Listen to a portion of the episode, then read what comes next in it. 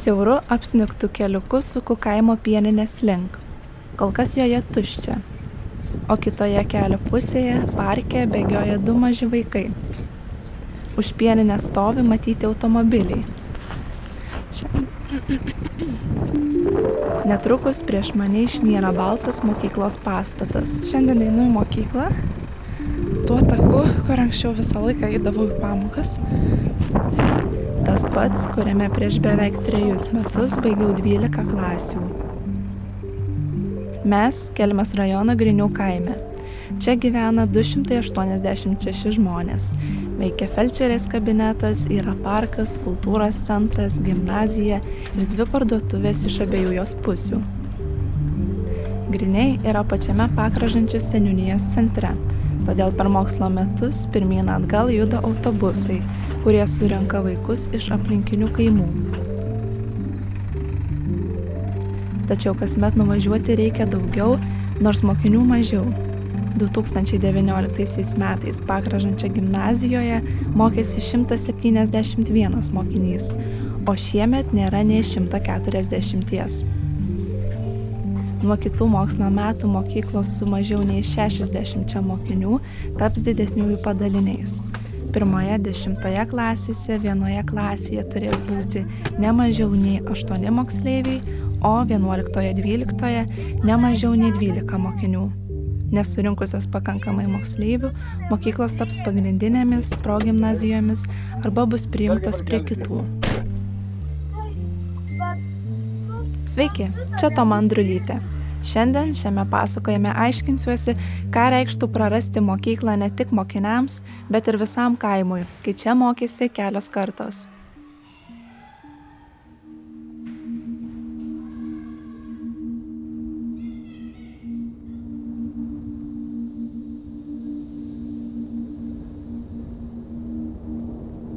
Tūkstantis devyni šimtai keturiasdešimt antrųjų metų žiemos rytas. Siaučia pūga, Kaimo keliu per pusnis arklys tempia vežimą. Jame sėdi vyras, o šalia jo maža mergaitė, apsigobusi didelę skarą, užsimovusi kelias poras vilnonių kojinių ir apsijavusi kurpės. Šitie du žmonės yra mano prosenelis ir močiutė Marijona. Ji dar tik antrokė, o mokykla jai už poros kilometrų ir nors dažniausiai močiutė eina pėsčiomis, šiandien ją paveža tėtis. Nuo mokyklos pusės rūksta dūmai. Tai juk vedys pakuriano krosnį, kad vaikai galėtų pasidžiauti koinės ir sušilti. O jeigu iki pietų, kol baigsis pamokos pūga nenurims, prosenelis vėl atvažiuos močiutės parsivežti. Galbūt paims ir kelis kaimynų vaikus. jau kiti vaiką išlėkčia, kai tau pusę kur važiu. Jau tėtis tai jas jau vaiką nori, kad parve pavežtų. Nu ir prilipdavo pilną vietą lūgikį iš tų vaikų. Nu ir ligmišėjai, tokie kelios kaip būdavo čia. Nu tai visi pavažiuodavo, dėdį da pavežk biškį. Nu sako, jaunas kojas pareista, nieko nepastebte. Kai močiutė į mokyklą eidavo pėsčiomis, kelyje jis susitikdavo draugės ir kartu jos visos skubėdavo į pamokas. Iki pat pietų jos mokydavosi istorijos, pasaulio pažinimo, lietuvių kalbos ir matematikos. Močiutė sako, kad stengiasi būti draugsminga mokinė, bet per pertraukas dūkdavo visi. Kartais vaikai mokydavosi šokti. Mano močiutė tai labai patiko, bet kai kurie mokytojai bardavosi pamatę šokančius mokinius. Jiems atrodė, kad karo metu niekam nevalia linksmintis. Todėl vienas iš ryškiausių močiutės prisiminimų - tai mokyklos gegužinė, surinkta antrojo pasaulinio karo pabaigos proga. Buvo šokę mokyklų, padarė klasės, buvo sujungtas, kai tos viena pusė klasės, jie antro lentas tas paėmė ten sieną, ištempi ir vardyt pasidarė. Tai daug vaikų buvo jau kas kom turėjom, tam pasivėdėm jau ir batukus šiokius, tokius va, turėjom apsiauti jau išeiginius. Nu, tai kad šokom, kad dūkom, kad smagu buvo. Deja, močiutės gyvenime liūdnų dienų buvo daugiau nei smagių. Per močiutės 13-ąjį gimtadienį mirė jos tėtis. Namie reikėjo padėti mamai, vyresniajam broliui ir dviem seserims, todėl mokslams jau nebeliko laiko.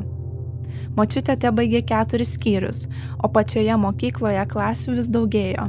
Atsirado penkta, šešta, septinta ir taip iki vienuoliktos. Pakražančio pradinė mokykla tapo vidurinė. Bet aš jau praėjo keli metai, kažkaip vienas esu ištekėjęs, brolis apsiženyje, į kitą sesuo jau galvoja tekėti. O mes su mama palikom, tai sakau, aš tada išeisiu į mokyklą. Mama apsikraus didesnis jau darbas ir nebejauna mama ta buvo. Nu tai Aldona atėjo, atsimenu, prašo, kad eik į penktą klasę gerai mokinas viską. Sako, gal kur nors pasieksi daugiau, sako. O kaip tada pagalvojau, aš kad gal biški padariau klaidą, bet, bet kai jau praėjo du, trys metai, jau aš savo mokslą primiršau ir viską, rodos, kad geriau numi būti su mama, ji jau čia ūkininkavo. Močiutė liko padėti mamai ūkininkauti, o suaugusi įsidarbino sandėlininkė kolūkija, po kurio laiko jis susipažino su mano seneliu, su kuriuo susilaukė sūnaus, mano tėčio Arūno. Tai labas tėti. Labas, dukrytė. 1978 m. pavasaris. Į Pakražančio kultūros centrą iš Šiaulių atvyko didžėjai. Jie atsivežė brangį garso aparatūrą ir grupės Bonnie M plokštelių, o prie lubų pritvirtino disko rutulį. Tokie renginiai kaime vykdavo retai, todėl visi laukia šokių pavadinimų Bonnie M ir kaimo žmonės. Ta vakarą medinė kultūros centro salė buvo sausakimša. Šiuos šokius labai gerai prisimena mano tėtis. Tada jam buvo 15, bet nuo to laiko jis nepraleisdavo diskotekų ne tik pakražantyje, bet ir aplinkiniuose kaimuose.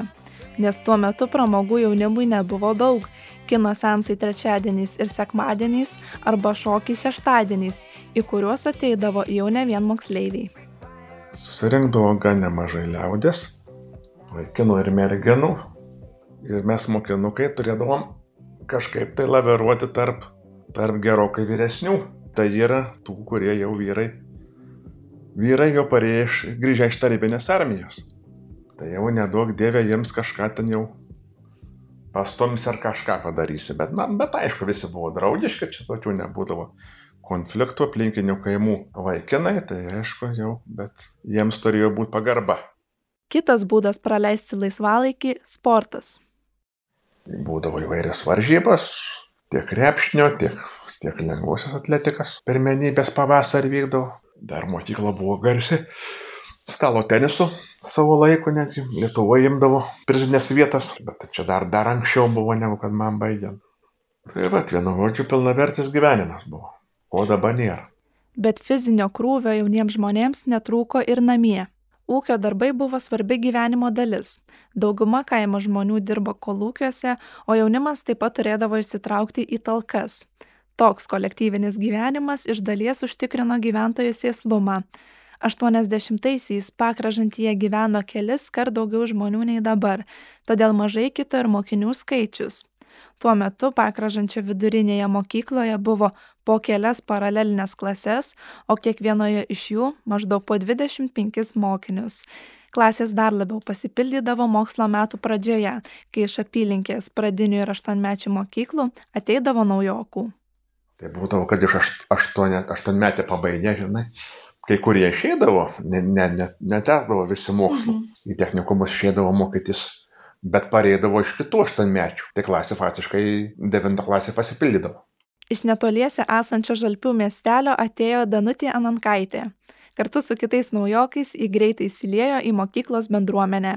mes, sakykime, žalpiuose, mūsų buvo labai daug, mūsų klasė, visos klasės buvo labai didelis, po 25 vaikus, 28.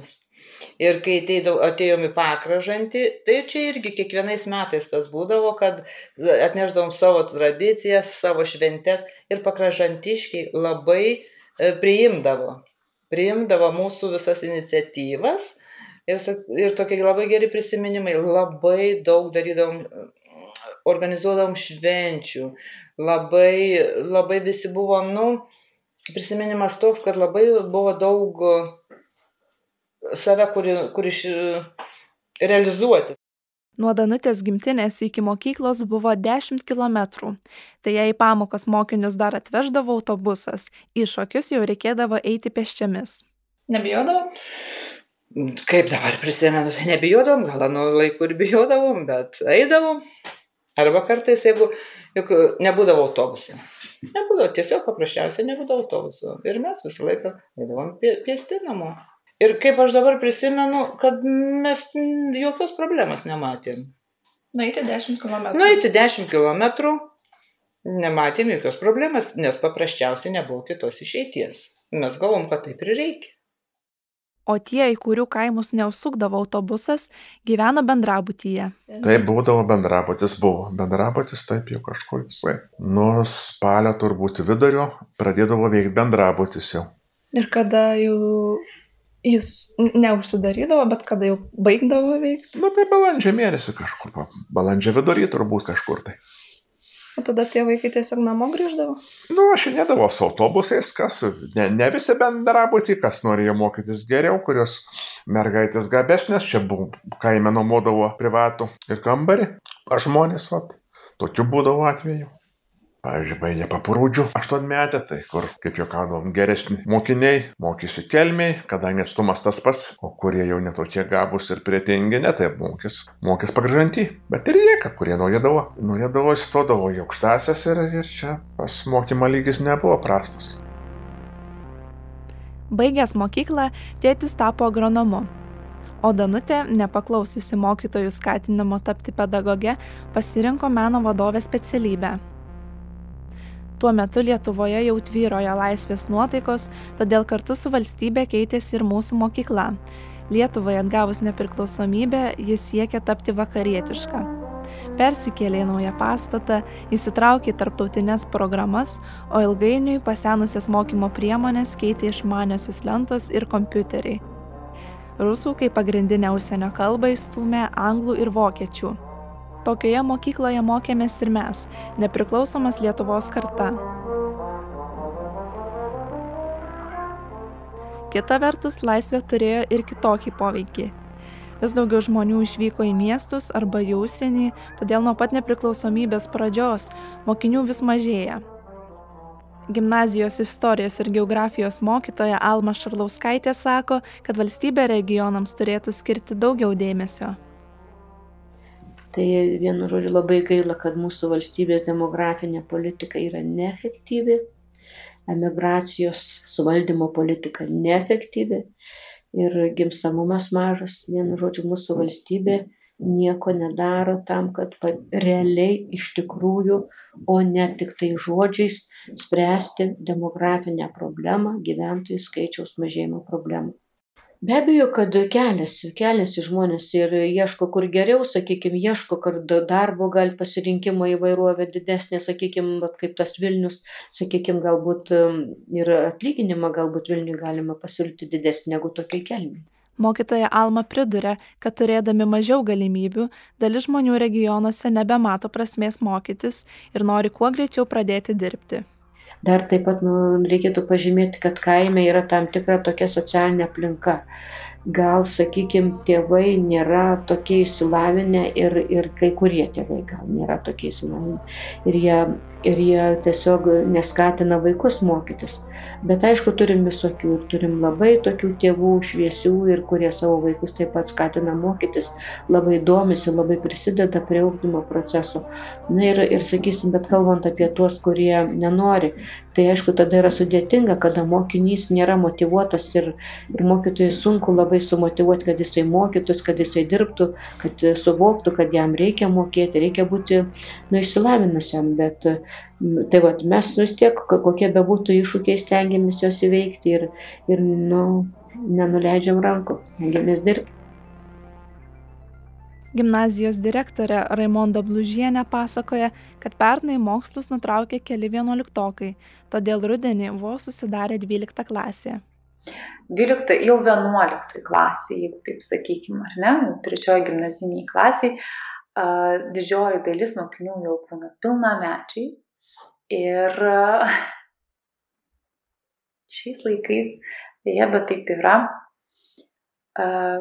jaunimas nori užsidirbti. Labai džiugu kada jauni žmonės sakykim išvyksta vasaros laikotarpiu užsidirbti sau pinigėlių ten. Ir vat taip ir buvo ir ir šiemet. Tiesiog kad pora mokinių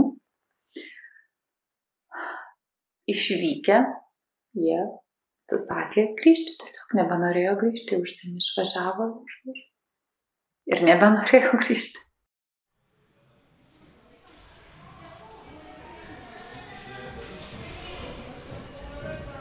Nors mokslo metų pradžioje 12 klasėje liko vos 10 mokinių, Kelmės savivaldybė nusprendė, kad jie turi pabaigti mokyklą.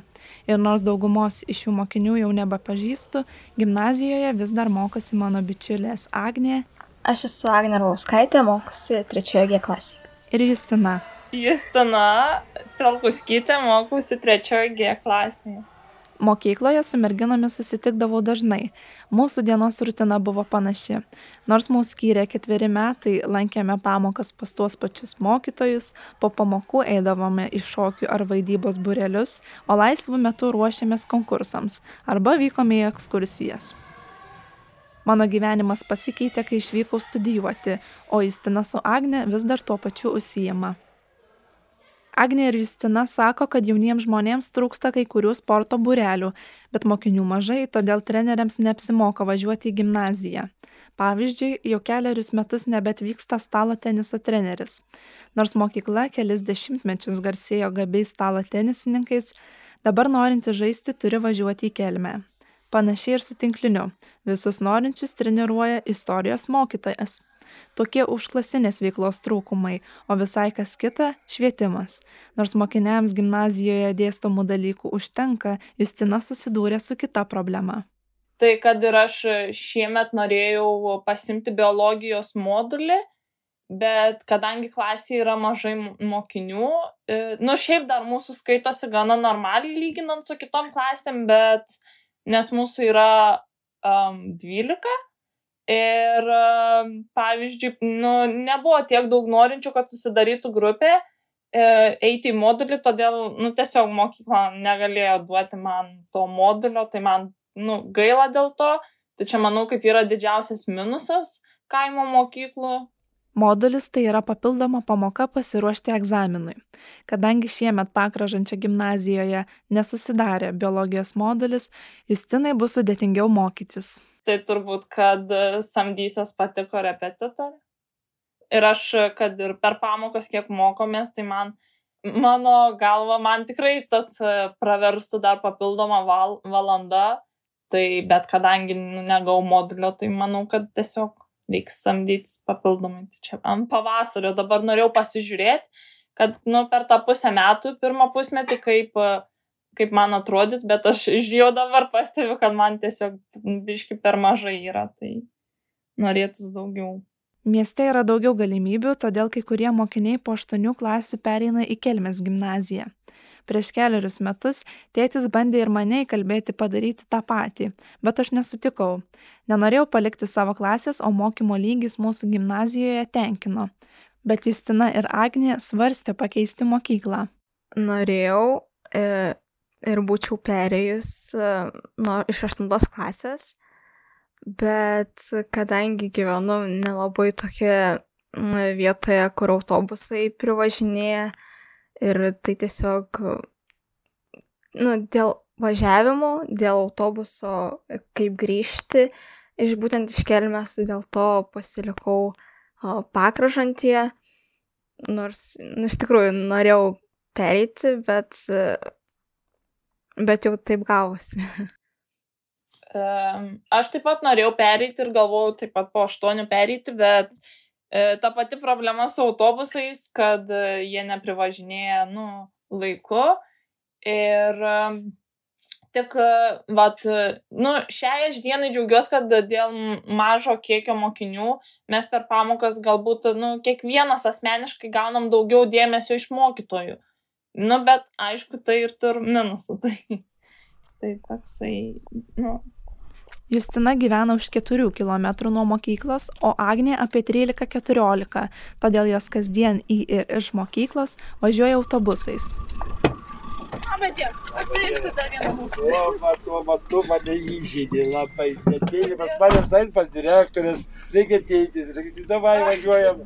Man pasisekė, aš mokyklą matydavau tiesiog pro savo namų langus ir neprivalėjau keltis kas ryt 6 val. ryto tam, kad spėčiau į pamokas todėl gruodį kai įrašinėjau dokumentiką labai norėjau pamatyti kaip atrodo vaikų kelionė mokykliniu autobusu žiemos metu esu mokyklinio autobuso vairuotojas Sigitas Kvietkus. Nuo 80 metų, 1980 metų, gegužės 7 dirbu vairuotoju, klausau autobusiukų jau 10 metų per dvi mokyklas. Dirbau daugiau su fūrom va čia taip pabarstyta normaliai. Kas ryt po 6.10 Sigitas išvažiuoja iš garažo. Už gero pusvalandžio jis jau būna pirmame, bet tolimiausiame taške. Surinkus ir atvežus visus vaikus į mokyklą, jo diena atrodo šitaip. Man nuo 10 būnu iki 10 mokykloje, taip ir autobusėlė būnu, nuo 10 iki 12 yra pietus, kadangi anksti pradedu dirbti ir paskui vėl vežioju vaikus nuo pirmos iki penk, pusė penkių pradžių į garažą. Kai pamokos baigėsi, namo pirmiausia išvežame pradinukus. Labas, zdaliuova. Praeina, praeina, praeina. Šiomis dienomis daug mokinių serga, bet net ir du ar tris vaikus reikia parvežti į jų kaimelius. Palaukit, dabar kaip yra su, tai jau su, su tavo klasiokė? Nėra, Nėra, na, kelnių. Karolina, tą, atsiprašau. Nėra, sakė kelnių. Mes su Rokas esame. Buvo visi išvažiavo.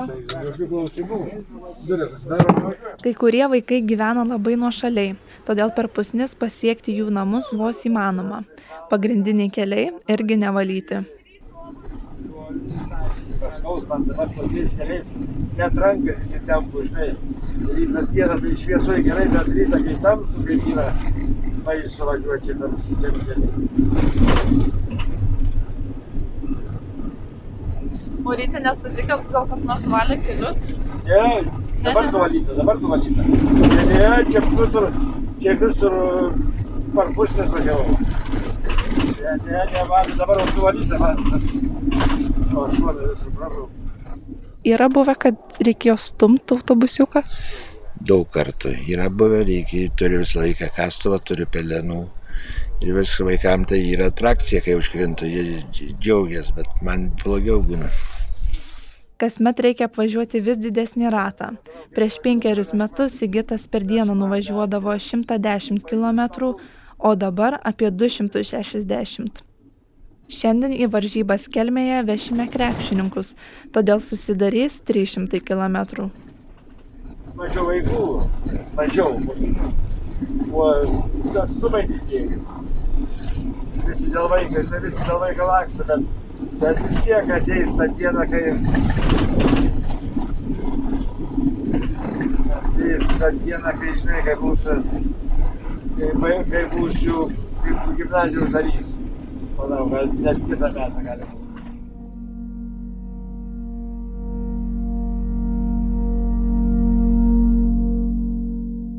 Nežinia yra turbūt tiksliausias žodis apibūdinti kiekvienų mokslo metų pradžią. Kasmet vieni kitų klausime, kiek mokinių išėjo ir spėliojame, kiek metų liko, kol gimnazija taps dešimtmetė mokykla. Mokytoja Alma skaičiuoja, kad liko visai nedaug.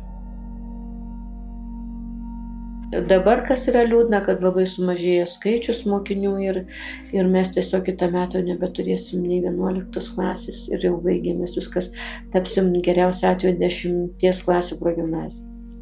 Tai jau galim paskaičiuoti nuo 50 berots trečių, sakiau, metų iki 2023 metų ir viskas.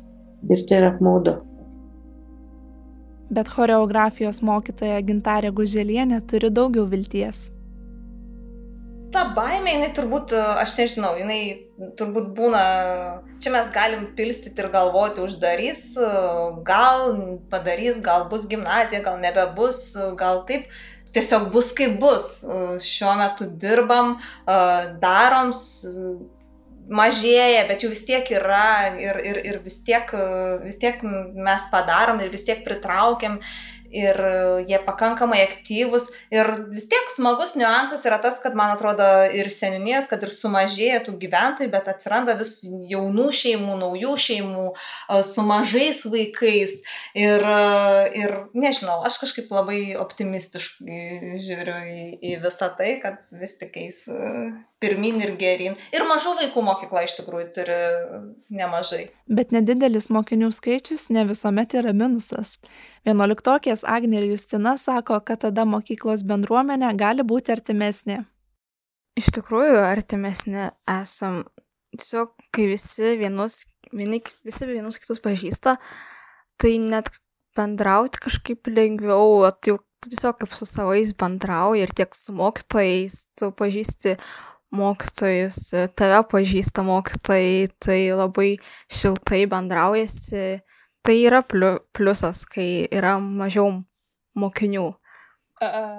Aš tai manau, kad, nu, sutinku su Agne, kad tai yra pliusas, bet aišku, yra ir minusas, nes aš manau, kad kai mažai mokinių ir viens kitą pažįstam tiek mokinių tarpe, tiek mokytojai mokinius labai pažįsta, tai tokių gaunas apkalbų ir vos nesikišimasi į, nu, asmeninius toks, nu, gyvenimus kartais būn, kad kai paklausia, tai taip atrodo, nu, kad, kad nu, tikrai nėra jų reikals, kaip ten tavo asmeniškai. O prieš 40 metų šią mokyklą baigusi Danutė Nankaitė galvoja, kad mažoje mokykloje mokytojai geriau pažįsta mokinių aplinką.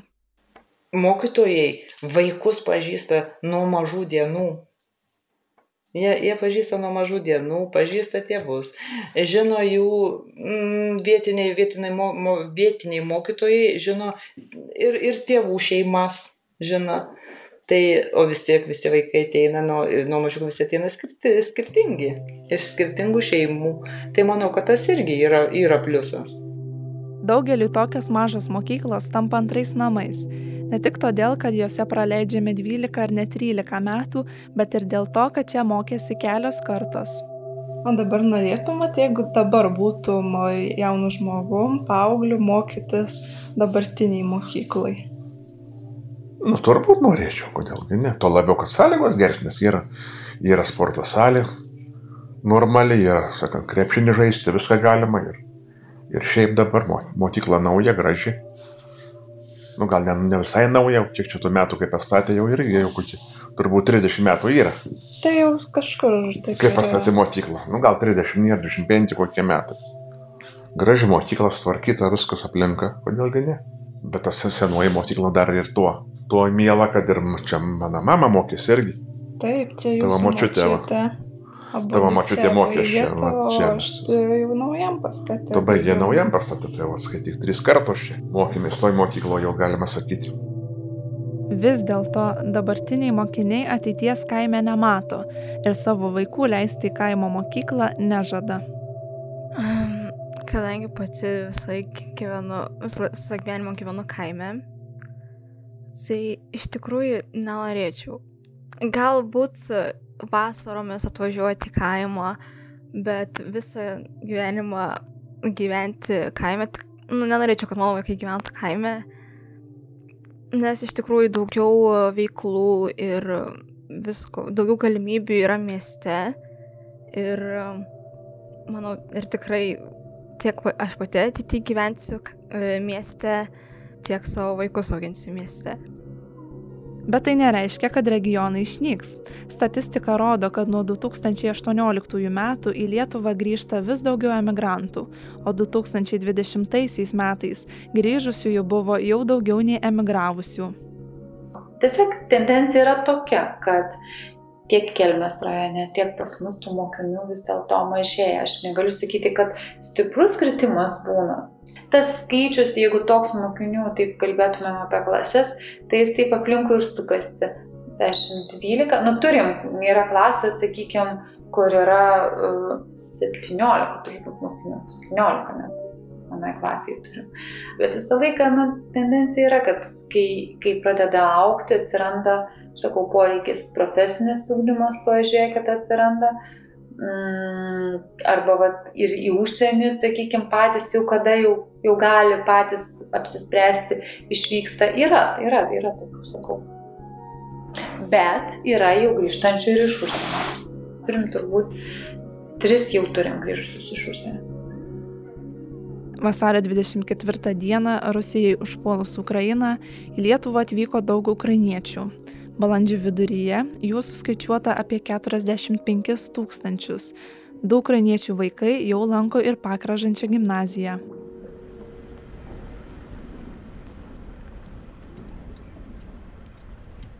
O aš čia negaliu pasilikti ilgiau. Skubu atgal į Vilnių.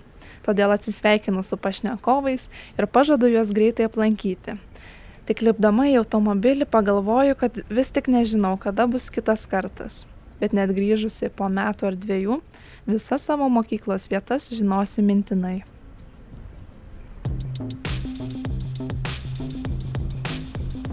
Toks buvo mūsų epizodas šiandien. Mano vardas Toma Andrulytė. Šio epizodo redaktoriai Indrė Kiršaitė ir Adomas Zubė. Muzikos autorius Martinas Gailius, o už įrašų studiją dėkojame Lietuvos nacionaliniai Martino Mažvido bibliotekai. Pamatykite epizodo fotografijas ir atraskite daugiau pasakojimų mūsų puslapyje nara.lt. Jeigu jums patiko šis pasakojimas, prie mūsų veiklos galite prisidėti Contribui platformoje arba skirdami 1,2 procento nuo gyventojų pajamų mokesčio. Ačiū, kad buvote kartu.